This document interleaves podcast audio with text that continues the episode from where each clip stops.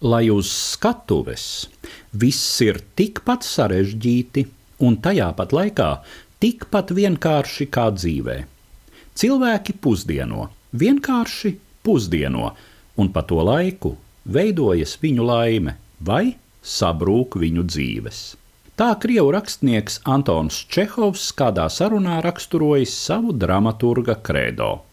1900. gadā, pēc tam, kad Maskavas Dailes teātrī ar panākumiem bija iestudētas Čehova Lūgas Kaija un tēvocis Vaņa, Teātris pasūtīja autoram jaunu lūgu, un viņš sāka īstenot jau kādu laiku iepriekš iecerēto darbu, drāmu Trīs māsas.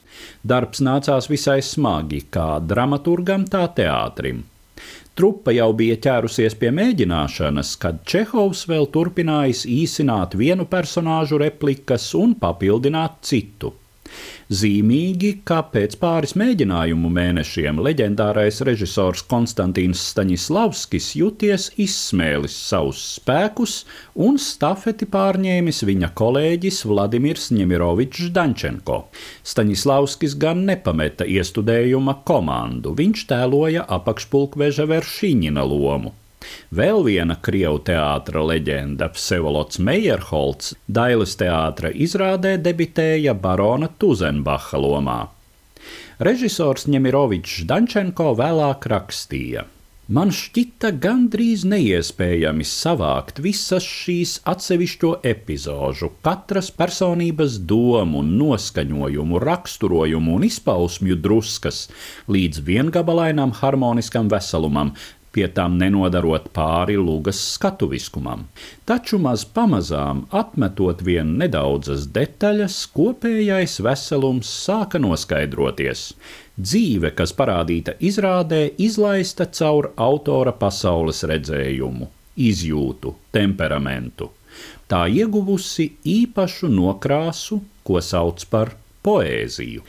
Savu pirmizrādi Maskavas Dailes teātrī Antona Čehova trīs māsas piedzīvoja 1901. gada 31. janvārī.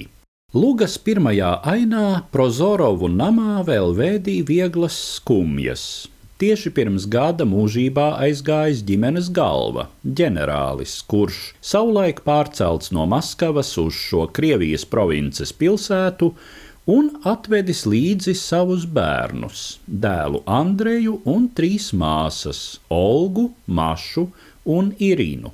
Andrejs ir zinošs, prot svešvalodas un sapņo par akadēmisku karjeru. Jaunākajai māsai Irinai ir veseli divi pielūdzēji - paraupjais, bet aizrautīgais štāba kapteinis Soļonijs un inteliģentais poručiks Tuzenbachs. Vidējā māsa Maša gan apprecējusi nemīlamu vīru, taču mīlas jūtas mostas viņas un apakšpulkveža veršīņinas starpā. Veršīņins ir precējies, viņam ir divas mazas meitas, Tomēr skatītājam gribas noticēt, ka arī šim pārim būs lemta laime. Un vēl viņiem visiem ir viņu māja, jauka un viesmīlīga, tā vilina pie sevis tos, kuriem pašiem dzīvē trūkst mājīga siltuma. Lūgas gaitā paiet pieci gadi, un mēs varam vērot, kā bez neviena spēja sižeta pavērsiena brūk šo cilvēku dzīves. Andrejs aprec meiteni, par kuru pēc pāris gadiem izsakās, ka viņa tam atgādinot sīku, aklu, kraupainu dzīvnieciņu. Viņš strādā nenozīmīgā ierēdņa amatā, un pamazām slīkst azartspēļu atkarībā. Olga kļūst par gimnāzijas direktori, un darbs ir vienīgais viņas dzīves saturs.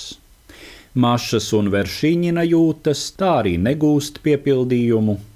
Pēdējā mirst Irīnas cerība, līdz ar Tuzenbachu, kuru divkaujā nošauja Soļonijas. Tuzenbachs ir pametis dienestu, dodas strādāt uz citu pilsētu un aicina Irinu līdzi, taču pēdējā brīdī viņš ļauj sevi izprovocēt uz bezjēdzīgo dueli. Lūga noslēdzas ar dramatisku jautājumu, kuru izsaka Olga. Liekas, vēl maz drusciņu, un mēs arī zināsim, kāpēc mēs dzīvojam, kāpēc ciešam. Ja varētu, zināt, ja varētu to zināt, stāstīja Eduards Liniņš.